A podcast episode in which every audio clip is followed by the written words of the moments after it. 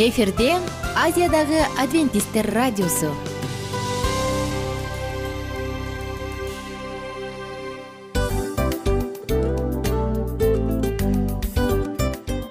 Достор салют. Баардык достор салют. Баарыңыздар менен. Угармандар ден соолук өмүрдүн булагы демек менен мы программа өмүрыңыздар көргөнүбүзгө абдан кубанычтабыз. Анда алгач амандашып өтүп эле атыңыздар деп. Ден соолугуңуз кандай? Алгач амандашып э, бизде көбүнчө ден соолук кандай? дегенде эле деп э, ооруп турсак да жакшы дейбиз. Деле мен муну айтып беребиз. Ооруп турсак да жакшы дейбиз. Сөз депчи анткени бул ойлогон баары сөз депчи анткени бул жакшы. Деп үмүттөнүп атып эле өзүбүздү өзүбүз ойлоп коебуз анысы кандай? Биздин ден соолугуңуз жакшы деш деген үмүттөбүз. Дагы чындыгында ден соолук бул өмүрдүн булагы деп бекеринен айтылчу эмес деп ойлойм. Кыргыз элинде. Анткени эгерде ден соолук жок болсо анда адамдын жашоосунда калган баардык болсо анда маңыздуу нерселер өзүнүн баалуулугун жоготот маңыз ошондой нерселер ден соолук эң керектүү нерсе. Ооба туура айтасың кесиптешим чынында ден соолук ооба туура бир эки үч кесип калсаң эле кандай калат. Жашоодо көз каранды болуп каласың көп нерсеге жетишпей каласың көп нерсени албай каласың. Жетишкөнгө да чыга албай каласың. Туп туура анан ден соолук болсо демек биз туп туура бактыбызды деп койсок болот. Анда достор саламатсыздарбы рубрикабызды эле алдыда өзүңүзгө керектүү болгон сонун кеңештерди уга аласыздар. Андыктан биз менен бирге болсуңуздар ал эми биз жана айнура. Кеттик алга. Алга. Саламат саама ден соолуктун жарчысы. Саламат саама ден соолуктун ачкычы. Күн сайын. Үчүн мыкты сонун жаңылыктар кыттуу фактылар биздин рубрикада.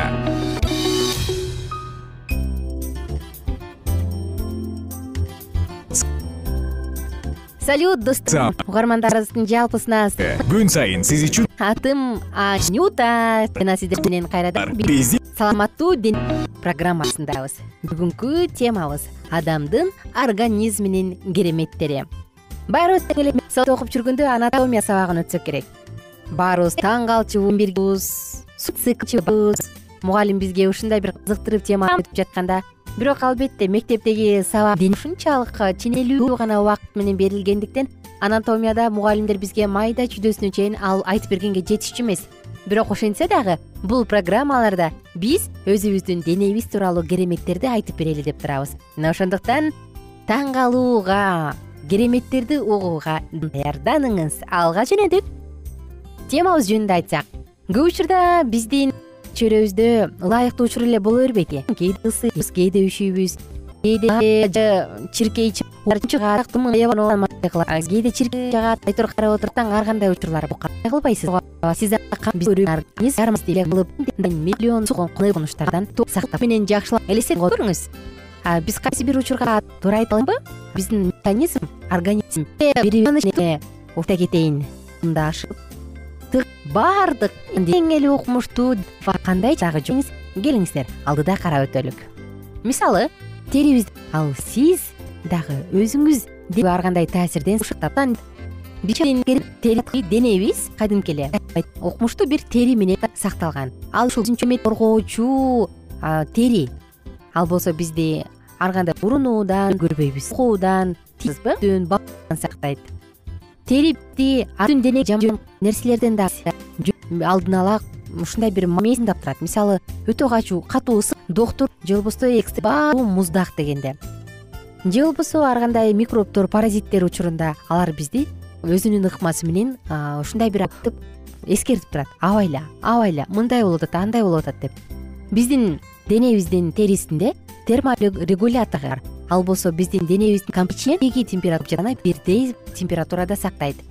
Мисалы ысыган кезде кандагы сенсациясы жана суктандырып көбөйөт жогорулайт. Анан ошондон улам бардыгын айтып бергибиз келет. Бөлүнө баштайт. Бизге анда сурарсыз. Тери тери балким чыгат?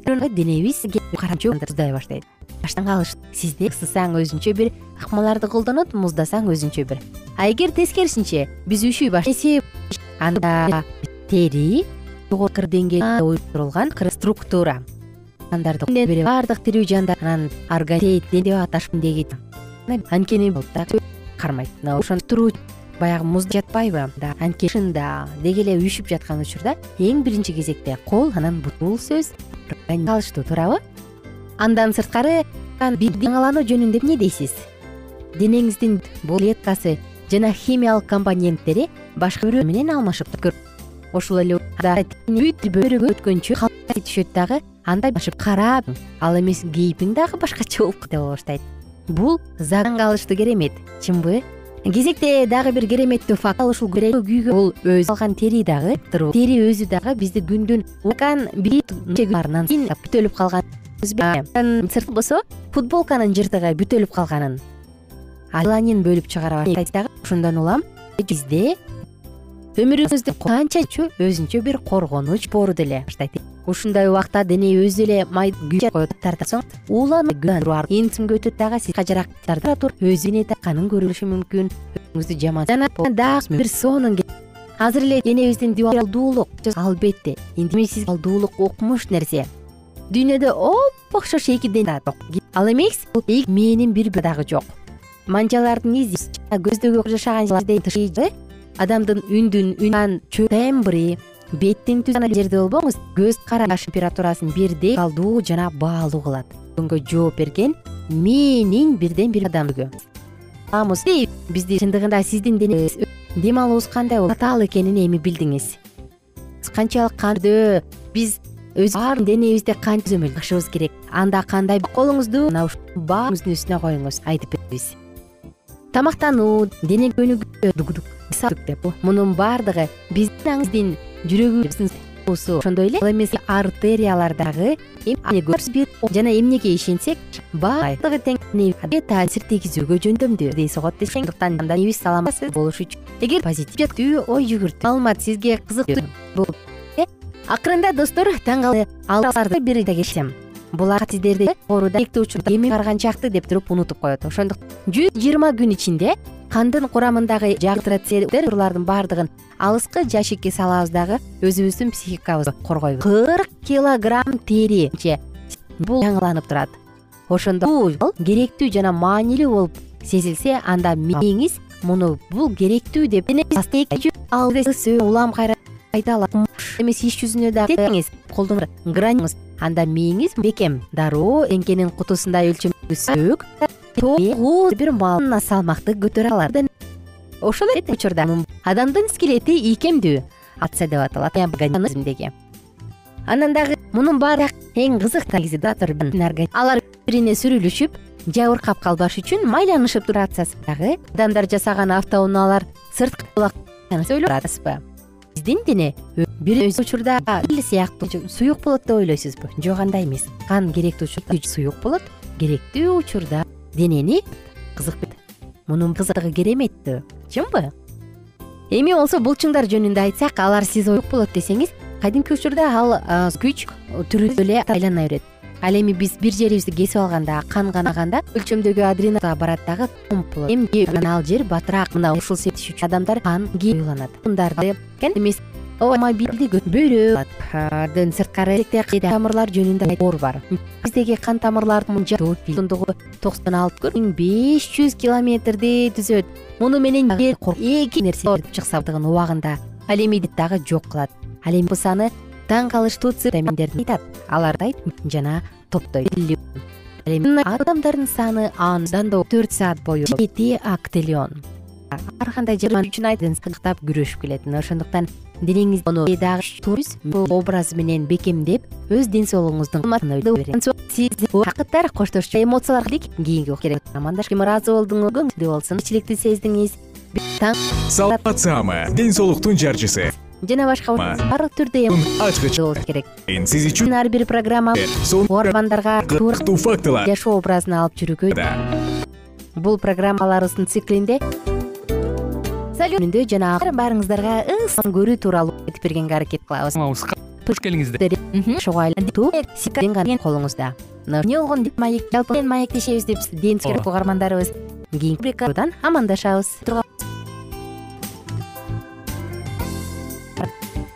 болгон бар.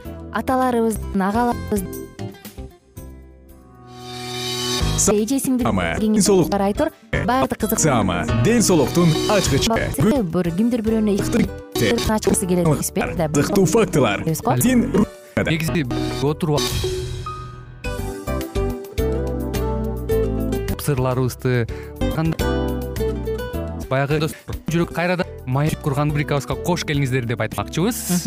Баардык замандашта ооба кээ бирде айтабыз ында баягы урматтаган учурда маек жылуу маек жетишпейт да ошондуктан негизи дил маек биздин рубрикабызда эң бирөөндө кеп калабыз. Бул маектин мааниси эмнеде рубрикабыз менен кичине тааныштырып кетиңиз сөзсүз түрдө кетени кааладык ошондуктан сонун бир радио тартуулап жатып биз аны кесип ээлеринен сонун кеңештерди алабыз. Учурда ырдашабыз досуң досуна айтат досу досуна айтат да анан бүт өлкө айтор жан дүйнөгө адамдын ачпаган сенин айыбыңды ачпаган сенин сырыңды кеңеш сонун да негизи биздин алдыдагы айта турган адамдын ортосунда биздин досторубуздун кеңештерин ал жака эле адамдар биз менен бири бирибиз менен бирге жай жерге отуруп алып эгерде кичине болсо дагы көрүп алып жашоо жөнүндө жактан сонун бир кеңештерди көрөбүз э максатыбызга жасасын анан мындай учурга кээде убакыт да жетпей келет э? Чыңгыз айтматов айткандай муңуңду кубанычыңды бул күнүмдүк радио баракча угармандарыбыздын чыныгы анткени бизден алган кеңеш сиздин кыйын чындыгында бул эми сиздин бизге айта турган сөзүңүз ортодо гана сыр бойдон калат. ошондуктан биздин маек көптөгөн керектүү дагы бир жолу дагы биз даярдаган э, ушул дил маекте биз аларды да козгойбуз. Э, ден соолук жөнүндө да сүйлөшөбүз. Сөзсүз түрдө. Анан милан мырза негизи айтып коюшат го? Э, биз көбүнчө эмнени ойлонсок? Ошол нерсеге карата иш кылабыз го. Ооба. Анан анысы кандай? Балким бул радио баракчада алтын сөздөр текшергенге жардам берет. Кимдир бирөөнүн жүрөгүн текшергенге жардам берет? Дил маек рубрикасын. Ошону тапкан. Баары бул жөн гана кыскача жарнама анда угармандар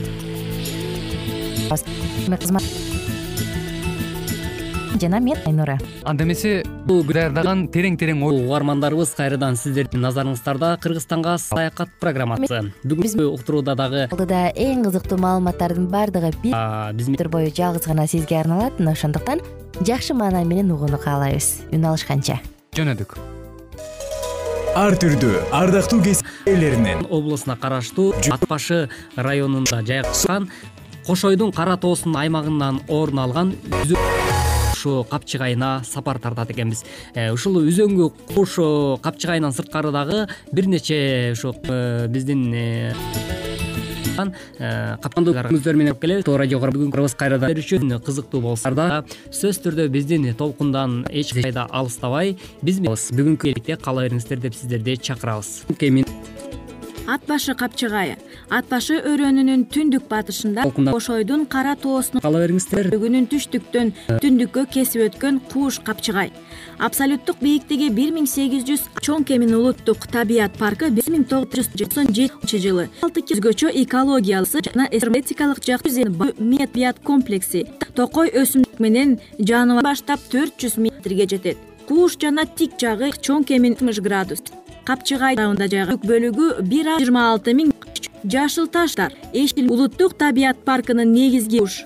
Ал аркылуу ат башы суу агат жана палеозой заманынын кристалдуу чулуу тоо тектеринен турат. Түштүк бөлүгүндө палеоген менен эогент жана кумдук чөкмө тоо тектери жатат ашыгында күнөстүү майда тор сууларда чөл жана жарым чөл өсүмдүктөр өсөт. Капчыгайда ат башы гэси төрт миң киловатт саатында капчыгайда ат башы марал түркистан эле бүркүт ителги көк жоору жана башка айбанаттар кездешет. Парктын аймагында шабдан катырдын нарын тоосунун кошулган жеринде кууш жана гай узундугу төрт километр. Деңиз деңгээлинин бииктиги алдердин метр кууш жери жүздөн жүз элүү метрге жетет. Айрым жерлеринде отуз алтымыш метр. Капчыгай паркы деп аталат. терең жаракадан жана суу эрозиясынан пайда болгон. Капталдары көбүнчө кыргызстандын табигый комплекси жана биология жеткен кууш тектеринен максаты уюшулган.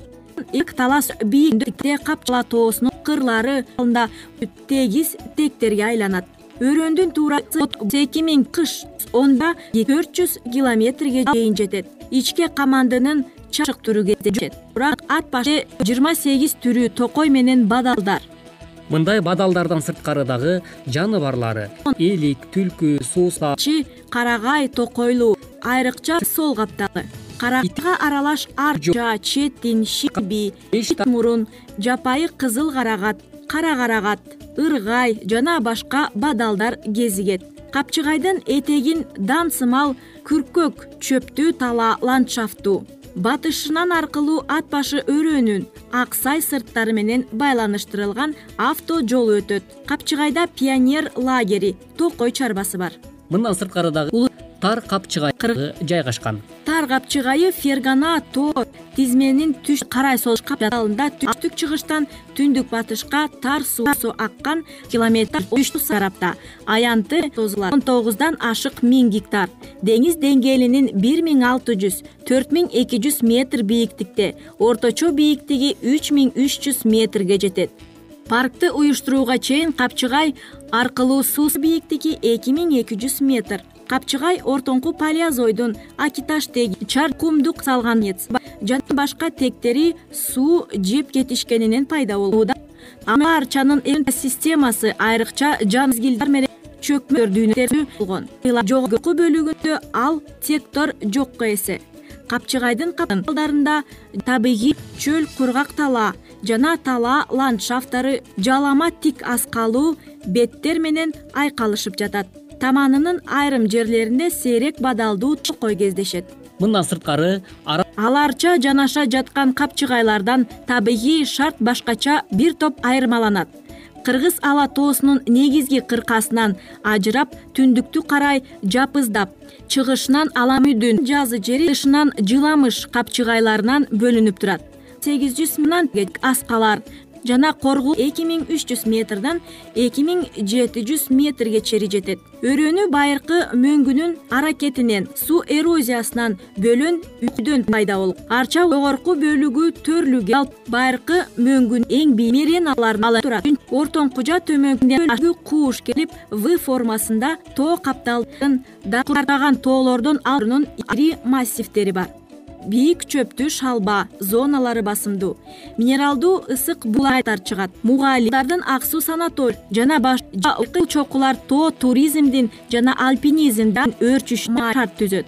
Климатдуу күн тиүү узактыгы ысык көл курорттук зонасынан калышпайт. Жана эки миң жүз эки жети жүз саат. январда кеңдик туурасында сексен метрге чейин созулуп жатат. Он эки чыгай батыштан чыгышты карай туташат беш километрден он алты километрге чейин жетет. Андан сырткары эки жүз метрге чейин. Таманынын деңгээли деңиз деңгээлинен бийиктиги баш жагында ондон алты үч миң эки жүз метр аягында эки миң алуу метр кусу аксордун текетөр турмалуу бийиктиги бир миң эки жүз метрге чейин.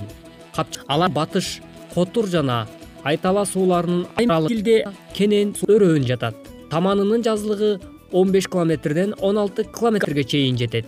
Суу ченеми мүнөздүү. Тоо этегинде адырларда талаадан жогору токой тала шалба чубалып альп жана гляциалдык көптөгөн алкактары үзөңгү кичи терек чоң терек чаты терек жана башкалар кирет. Көрктүү токойлору менен тилмеленген. Капчыгай аркылуу чоң үзөңгү кууш суусу агып какшаалды кесип жайга кетет. Баш жагы ген ноген жана арчапагендик конгломерат коомдук левроид жана шагыл ортоңку бөлүгү девон карбон ышкыр элик жана башкалар. Канаттуулары кекилик чил улар көгүчкөн актектер слай башкалар. Кремний жана мурда тек болуп бараткан каптал эмүүчүлөр кайра кургак тала ал эми урматтуу угармандар ушуну менен бизге бөлүнгөн убактыбыз да өз соңуна келип жетти эмки көчөттөрү отургузулууда мына ушентип кымбаттуу угармандарыбыз бүгүнкү программабыздын чыгарылышында дагы чүй областынан орун алган э, өзгөчө бир ажайып керемет чоң рахмат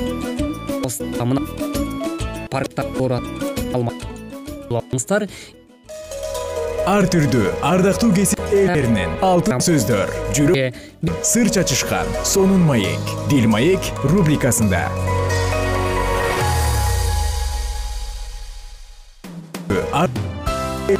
Алтын сөздөр. Жүрөк эфирде азиядагы адвентисттер радиосу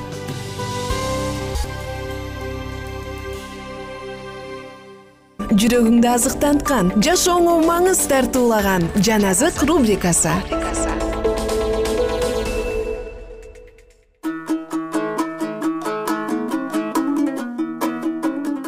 Саламатсыздарбы.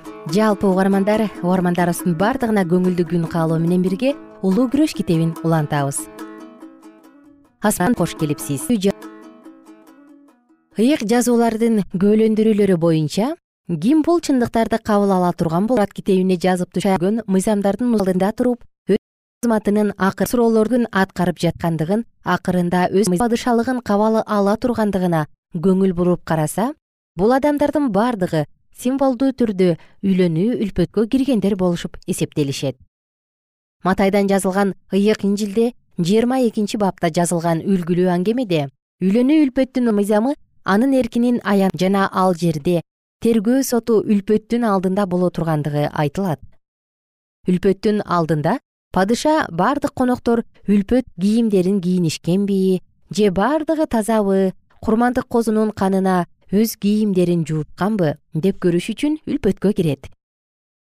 Үлпөт кийимин кийинбегендер жеңил деп табылып кубаланат.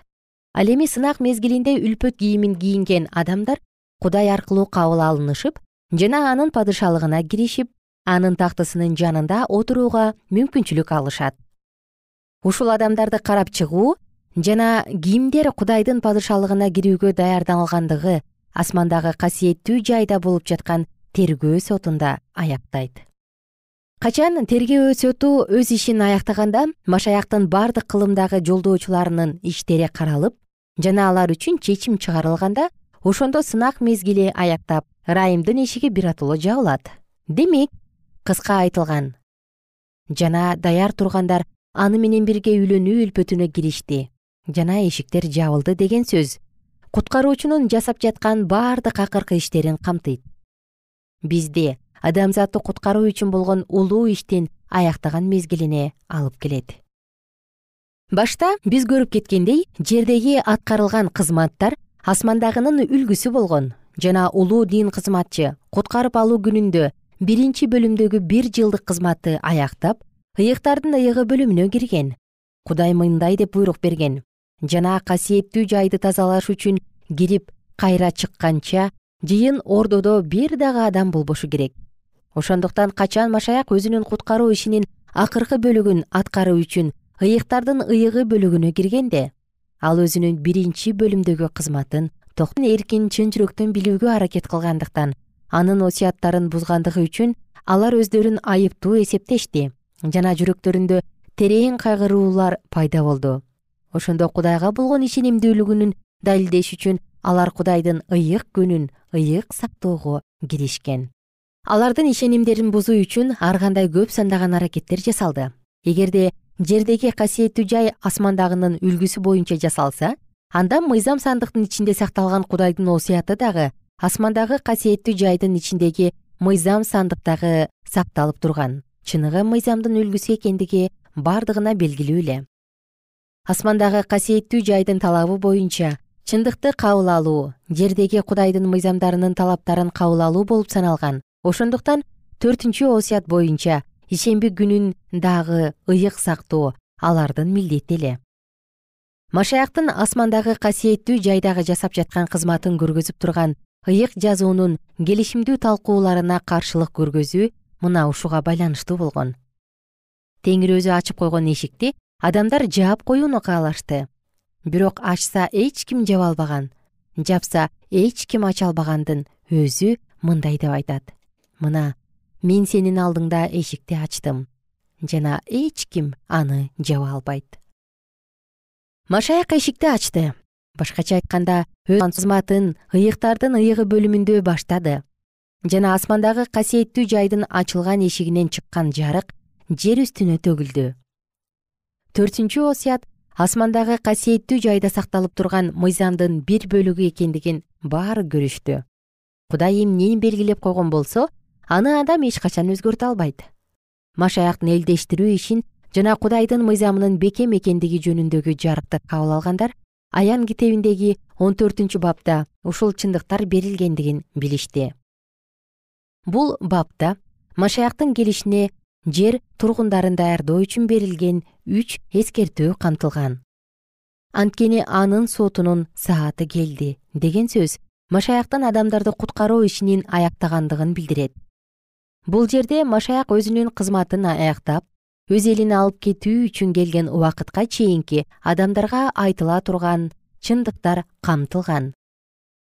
бир миң сегиз жүз кырк төртүнчү жылы башталган тергөө сот иштери ар бир тирүү жана өлгөн адамдардын тиешесин берүү иши чечилгенче улантылыптылат. жана ал мезгил сынак убакытты аяктаганга чейин улантылат. адамдар сот алдында турууга мүмкүнчүлүк алыш үчүн эскертүүчү кабар аларга мындай дейт кудайдан корккула жана аны даңктагыла асманды жана жерди деңиздерди жана булактарды жаратканга табынгыла бул эскертүүлөрдү кабыл алуунун эрежеси мындай деп айтылган. Мында кудайдын парыздарын сактаган жана ыйсага ишенимди кармаган касиеттүүлөрдүн чыдамкайлыгын көргөзүш керек.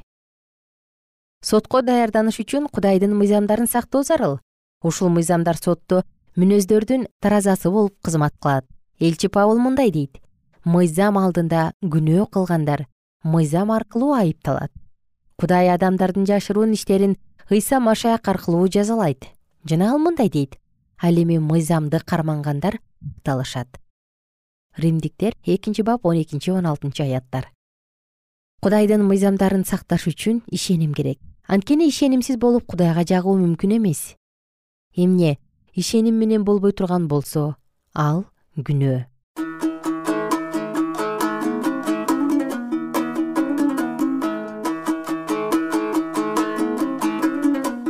Ардактуу угарман кымбаттуу досум.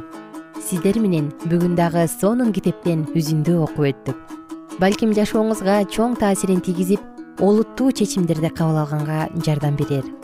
Балким сиздин жашооңузда кайсы бир жерде түшүнүксүз суроо болуп жаткандыр эгерде ошондой болсо анда жаратканым сизге туура чечим кабыл алганга жардам берсин. Жалпы угармандарыбызга көңүлдүү күн көңүлдүү убак жана көңүлдүү сааттар кийинки уктуруулардан амандашканча сак саламатта туруңуздар.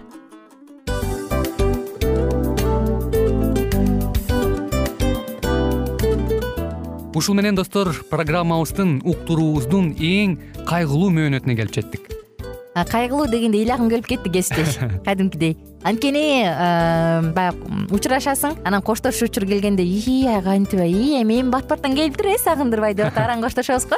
Анысы кандай угармандарыбыз менен коштошчу учур келди. Кийинки уктурууларды сагыныч менен жүрөгүбүздө кусалык менен күтөбүз жалпыңыздарды анан жарым сааттык уктуруу көз ачышым канча өтүп кетти.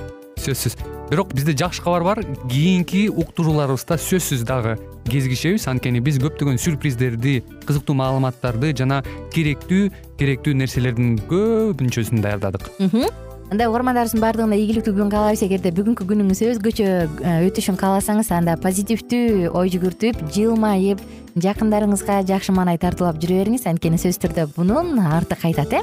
Сөзсүз. Баягы ден соолугуң оңолот ал бул деп көп нерсени санап келебиз. Эң негизгиси бул сиздин жашооңузду жаркын кыла түшөт экен. Жараткан кудай ар бирөөңүздөргө батасын берсин жашооңуз ийгиликтүү болсун сак саламатта калыңыздар деп мен милан жана кесиптешим айнура. Баардыгыңыздар менен кийинки уктурууда үн алышканча баарыңыздарга ийгилик каалайбыз